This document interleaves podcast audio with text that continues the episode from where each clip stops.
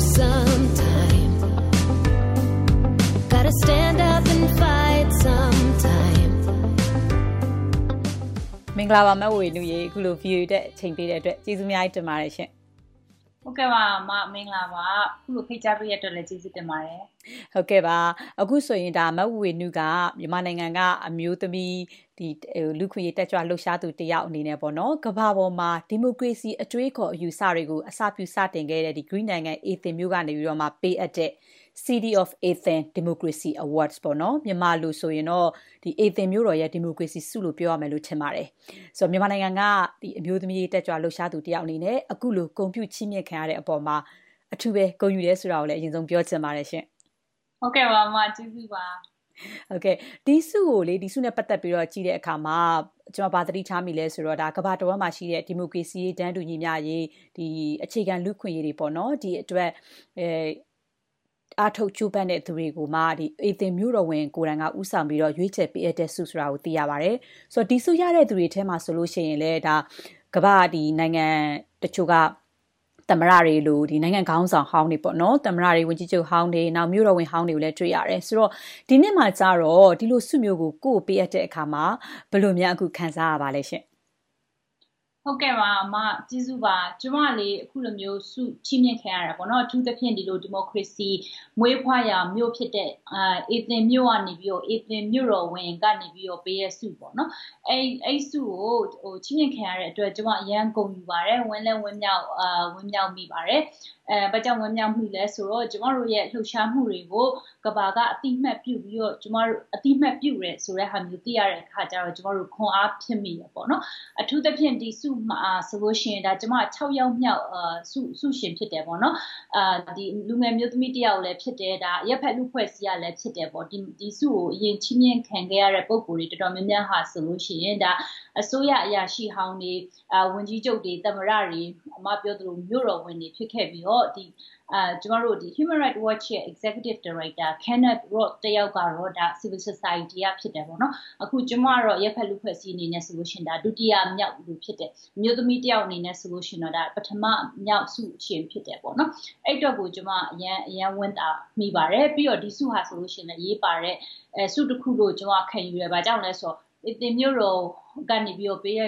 အဲစုလည်းဖြစ်တယ်လို့ဒီစုကိုဒီ New York Times ရဲ့ အဲပြီးလို့ရှိရင်ကျွန်တော် United Nation Democracy Fund ရဲ့အဲ Athens Democracy Forum ရဲ့ကနေပြီးတော့ပူးတွဲချီးမြှင့်တာဖြစ်တယ်ပေါ့နော်ဆိုတော့ဒီလိုအရေးပါတဲ့စုတစ်ခုကိုဟိုချီးမြှင့်ခံရတယ်အတိမတ်ပြုခံရတယ်ကျွန်တော်တို့ရဲ့လှုပ်ရှားမှုတွေကိုအတိမတ်ပြုခံရတယ်လို့အဲလို့ခံစားရတဲ့အတွက်ကြောင့်မဟုတ်လို့အမတန်ဝမ်းမြောက်မိပါတယ် ဟုတ်ကဲ့ပါဆိုတော့ဒီစုကဒီဆွဆွပြောသလိုပေါ့ကဘာတော်ဝမ်းမှာရှိတဲ့ဒီမိုကရေစီရေးအတွက်အခြေခံလူခွင့်ရေးတွေအတွက်ကြိုးပမ်းနေတဲ့သူတွေကိုပေးတယ်ဆိုတဲ့အထဲမှာမှာဒါကဘာပေါ်မှာဒီလိုလှုပ်ရှားကြိုးပမ်းနေတဲ့သူတွေကအများကြီးရှိတယ်ဆိုတော့ဒီအထဲမှာမှာဒီမြန်မာနိုင်ငံကနော်အမျိုးသမီးတူဖြစ်တဲ့ကိုကိုရွေးချယ်ကွန်ပျူချီးမြင့်နေဆိုတာဟောဘာကြောင့်လို့ထင်ပါလဲသူတို့ကရောဒီစုရွေးချယ်တဲ့သူတွေဘက်ကရောကိုကိုဘာမှပြောလာတာရှိပါလဲ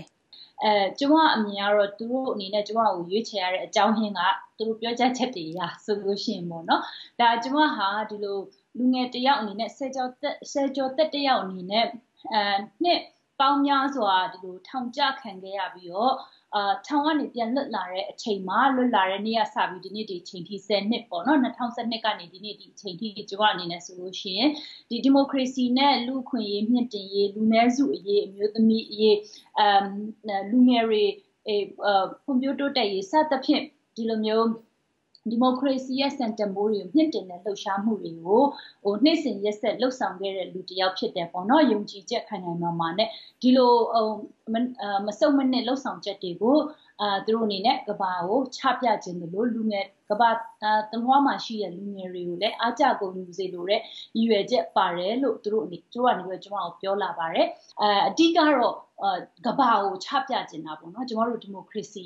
စနစ်ကိုတိဆောက်ချင်တယ်ဆိုရင်လူတိုင်းလူတိုင်းရဲ့အခွင့်အရေးကိုကာကွယ်ပေးဖို့လိုသလိုကျမတို့အမုန်းတရားတွေနဲ့ဖယ်ကျင်မှုတွေနဲ့အဲတက်ဖြတ်မှုတွေနဲ့ဒီမိုကရေစီကိုဒီလိုလူနည်းစုတွေပေါ်မှာအနိုင်ကျင့်အဲတက်ဖြတ်မောင်းထုတ်မှုတွေနဲ့ဒီမိုကရေစီတိဆောက်လို့မရဘူးဆိုတဲ့ဟာကိုလည်းသူတို့အနေနဲ့ဒါမိမြောင်းမိမောင်းထိုးပြခြင်းတယ်လို့ကျွန်မယုံကြည်ပါတယ်ဟုတ် ဟုတ်ကဲ့ပါဆိုတော့အခုဆိုရင်ဒါမြန်မာနိုင်ငံမှာဆိုလို့ရှိရင်ဒီစစ်တပ်ကအာဏာသိမ်းထားတယ်ရှစ်လရှိလာပြီးနိုင်ငံရေးအကျက်တဲမျိုးစုံဖြစ်လာတယ်လူမှုစီးပွားအကျက်တဲတွေအများကြီးဖြစ်လာတယ်ဆိုတော့ဒီမြန်မာအရေးနဲ့ပတ်သက်ပြီးတော့နိုင်ငံတကာကလည်းဒီအာယုံစိုက်ပြီးတော့အလေးထားနေတဲ့အချိန်မျိုးမှာဒါမြန်မာနိုင်ငံကအမျိုးသမီးတယောက်အခုလိုစုချီးမြှင့်ခံရတယ်ဆိုတဲ့အခါကျတော့ဒါကရောဒီမြန်မာဒီလှုပ်ရှားမှုပေါ်မှာနိုင်ငံတကာရဲ့ဒီအထောက်အကူပေါ့နော်ဟိုဘယ်လိုများဟိုဖြစ်စေမယ်လို့ရောထင်မိတယ်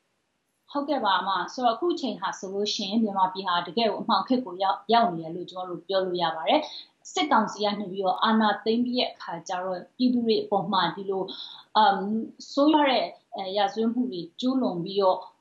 တကယ်ကိုတိုင်းပြည်ကိုနော်အမှောင်မှုတွေကိုဆွဲခေါ်နေရဖြစ်တယ်ပေါ့ဆိုတော့ကျမတို့အနေနဲ့ကဒီလိုမျိုးနိုင်ငံတကာစင်မြင့်မှာပြောခွင့်ဆိုခွင့်အဲရနေတယ်ဆိုလို့ရှိရင်ဒါကိုအသုံးချပြီးအကောင်းဆုံး ကိုယ်နိုင်ငံအတွက်ကိုဟိုဟိုလှုပ်ရှားသွားဖို့လိုတယ်ပေါ့နော်ပြောဆိုသွားဖို့လိုတယ်လို့ယုံကြည်ပါတယ်ဒါကြောင့်မို့လို့လေအခုကျွန်မဟာဆိုလို့ရှင်အာဒီစုချီးမြှင့်ခံရဆိုဒီဒီ platform ဟာဒီစင်မြင့်ဟာဆိုလို့ရှင်တကယ်ကိုအရေးပါတဲ့ဒီအမ်စင်မြင့်တစ်ခုဖြစ်တယ်ပေါ့နော်အအရေးပါတဲ့ပုံကိုယ်တွေတက်ရောက်တဲ့နာတက်ရောက်ပြီးတော့ပါဝင်တဲ့စင်မြင့်တစ်ခုဖြစ်တဲ့အတွက်ကြောင့်မို့လို့မြမအရေးလောလောဆယ်ဖြစ်ပျက်နေတဲ့မြန်မာပြည်မှာဖြစ်ပျက်နေတဲ့အာဏာသိမ်းမှုအခြေအနေဒီမိုကရေစီလှုပ်ရှားမှုတွေကိုကျွန်မအနေနဲ့ အဲဟိုရှင်းရှင်းပြခွင့်နေပေါ့နော်ကျွန်မအနေနဲ့ဒါဒါထောက်ပြခွင့်နေရရှိခဲ့တဲ့အတွက်ကြောင့်မို့လို့တစုံတရာသောအကျိုးတရားမှုရှိမယ်လို့ကျွန်မယုံကြည်ပါတယ်။ဘာကြောင့်လို့ဘာကြောင့်လဲဆိုတော့ကျွန်တော်တို့ဟာအာဒီလိုဒီမိုကရေစီလှုပ်ရှားမှုမှာတို့ပြည်တွင်းအင်အားလက်လို့သူနိုင်ငံတကာရဲ့အားပေးမှုတွေလည်းလိုတဲ့အတွက်ကြောင့်မို့လို့ဒီနိုင်ငံတကာစင်မြင့်မှာအခုလိုမျိုးပြောခွင့်အဲရတဲ့အတွက်ကြောင့်မို့လို့ကျွန်မကအာကျွန်မအနေနဲ့ကတော့ဒီဒီခွင့်ရေးကိုလက်လွတ်မခံဘဲနဲ့ပေါ့နော်ဟို ဒီကျွန်တော်တို့ရဲ့အဲဒီမိုကရေစီတိုက်ပွဲကိုအားပေးဖို့ဟိုထောက်ပံ့ထောက်ထောက်ခံမှုအတွက်ကိုဟိုတိုက်တွန်းခဲ့ပါတယ်ဟုတ်ဟုတ်ကဲ့ဆိုတော့အခုလိုမျိုးအခြေအနေမှာမြန်မာနိုင်ငံမှာလက်ရှိဒီလိုအကျက်တဲတွေဖြစ်နေတဲ့အချိန်မှာနိုင်ငံတကာရဲ့ထောက်ပံ့အားပေးကူညီမှုကရောဘလောက်အရေးကြီးတယ်လို့ခံယူထားပါလဲကိုကဒါဟိုရှေ့တန်းမှာဒီမြန်မာအရေးအတွက်ဟိုနိုင်ငံတကာစင်မြင့်မှာဆောင်ရွက်နေတဲ့သူတယောက်ဆိုတော့ ဟုတ်ကဲ့ပါမဟိုနှစ်ပိုင်းပေါ့နော်ကျမတို့တော်လန်ရေးတစ်ခုအထူးသဖြင့်အာဏာရှင်တိုက်ဖျက်ရေးအာဒီမိုကရေစီအာရရှိရေးနော်အတော်လန်ရေးကိုဆောင်ရွက်တဲ့အခါမှာကျမတို့ရဲ့အဓိကအင်အားကပြည်တွင်းကလာတာဖြစ်ပါတယ်ကျမတို့ပြည်သူတွေကကျမတို့ရဲ့အင်အားဖြစ်ပါတယ်ကျမတို့ကျမယုံကြည်တာကကျမတို့လိုချင်တဲ့အနာဂတ်ကိုကိုယ်တိုင်အာဖန်တီးဖို့လိုတယ်ကိုမှမဖန်တီးရင်သူများလာ အဲကူညီပေးလို့မရဘူးလာဖန်တီးပေးလို့မရဘူးနိုင်ငံတကာကလည်းလာဖန်တီးပေးလို့မရဘူးဆိုတော့ကျမတို့ရဲ့အဓိကအင်အားကပြည်တွင်းအားဖြစ်ပါတယ်ကိုရီတီဦးချင်းစီရဲ့လှုပ်ဆောင်ချက်တွေဖြစ်ပါတယ်အမ်ဆိုတော့နောက်တစ်ပိုင်းကတော့ဒီနိုင်ငံတကာရဲ့အပိမှုဟိုတိုင်းပြည်တစ်ခုအစိုးရတရက်ဖြစ်လာဖို့ဆိုတဲ့ဟာကကိုကိုကိုဘကိုတီးကြအခုလိုကပ္ပရွာကြီးဖြစ်လာတဲ့အခါမှာနိုင်ငံတကာအာဒီအတိုင်းဝိုင်းနဲ့ဟိုဆက်ဆံအမ်ပြီးတော့ ကျမတို့ကျမတို့ရဲ့ဟိုဟိုတိုင်းပြည်နဲ့အစိုးရတွေရဲ့အဲဒိုးစည်းပွားတွေကဒီအဆက်ဆက်မှုတွေရှိနေတဲ့အခါကျတော့တိကျရက်တီလို့လည်းမရဘူးပေါ့နော်အဲ့လိုတိကျရက်တီလို့မရတဲ့အတွက်ကြောင့်မို့လို့နိုင်ငံတကာရဲ့ဟိုအထောက်ပံ့နဲ့နိုင်ငံတကာရဲ့အားပေးမှုတွေလည်းလိုအပ်တယ်ပေါ့ဒီနေရာမှာအရေးပါဆုံးကတကယ်လို့ဒီလိုမျိုး အာနာရှင်တွေပေါ့နော်စစ်အာနာရှင်တွေအေးအာနာသိမ်းတဲ့အုပ်စုတွေကနေပြီးတော့ပါဒီလိုစိုးရွားတဲ့ရာဇဝတ်မှုတွေကိုကျူးလွန်ထားရဲဆိုလို့ရှိရင်အဲ့လိုဟိုနိုင်ငံတကာဥပဒေတွေကိုချိုးဖောက်ထားရဲဆိုလို့ရှိရင်နိုင်ငံတကာမှာဘာလဲရှိလဲဆိုတော့ကျမတို့ ကာကွယ်ပေးဖို့တာဝန်လည်းရှိရပေါ့နော်အဲ့ဟာကိုဟိုအခြေပြုပြီးတော့ကျမတို့အနေနဲ့ကလောလောဆယ်မြန်မာစစ်တပ်ဟာဆိုလို့ရှိရင်လူခွင့်ရေးထိုးဖောက်မှုတွေအများကြီးကျူးလွန်ထားတဲ့အဲစစ်တပ်တစ်ခုဖြစ်တဲ့အဲလူမျိုးစုတွေကိုဟိုတက်ဖြတ်ထားတဲ့လူမျိုးလုံးတက်ဖြတ်မှုတွေလုပ်ထားတဲ့အဲစစ်တပ်တစ်ခုဖြစ်တဲ့လက်ရှိလဲကျမတို့အလူသားမျိုးနွယ်အပေါ်မှာကျူးလွန်တဲ့ရာဇဝတ်မှုတွေကိုကျူးလွန်နေတဲ့စစ်တပ်တစ်ခုဖြစ်တဲ့အတွက်ကြောင့်မို့လို့ဒါနိုင်ငံတကာကလည်းသူ့အနေနဲ့သူ့ရဲ့တာဝန်ကိုဖြည့်ဆည်းဖို့လိုပြီးတော့ ဒီစစ်တပ်ကိုအရေးယူဆောင်ရွက်ပေးဖို့လိုတယ်ပေါ့နော်အဲ့ဟာကိုကျမတို့ကသူတို့ကိုအာလှုပ်ဆောင်လာအောင်လို့တိုက်တွန်းနေရတာပေါ့နော်နေဖို့တိုက်တွန်းဖို့လည်းလိုရပေါ့ဆိုတော့ဟိုသူတို့အားကိုဒီနေရာမှာ ဒီလိုဆိုးရတဲ့သူတို့မှာရှိတဲ့တာဝန်ကိုဖြည့်ဆည်းရင်းနဲ့မှသူတို့အားကိုကျွန်တော်တို့ယူပြီးတော့ပြည်တွင်ကအာနဲ့ပူပေါင်းပြီးတော့တိုက်ထုတ်သွားဖို့လိုတယ်နှစ်ဖက်အာအင်အားနှစ်ခုလုံးလိုတယ်လို့ကျွန်တော်ပြောချင်ပါတယ်ဟုတ်ဟုတ်ကဲ့ပါဒါပြည်တွင်အင်အားအတိကအချိန်ထဲမှာလည်းနိုင်ငံတကာရဲ့အခမ်းကဏ္ဍလည်းအရေးကြီးတယ်လို့နားလည်ပါတယ်အခုလိုအချိန်ပေးပြီးတော့ဖြေကြားပေးတဲ့အတွက်ကျေးဇူးအများကြီးတင်ပါတယ်ရှင်ဟုတ်ကဲ့ပါမကျေးဇူးပါ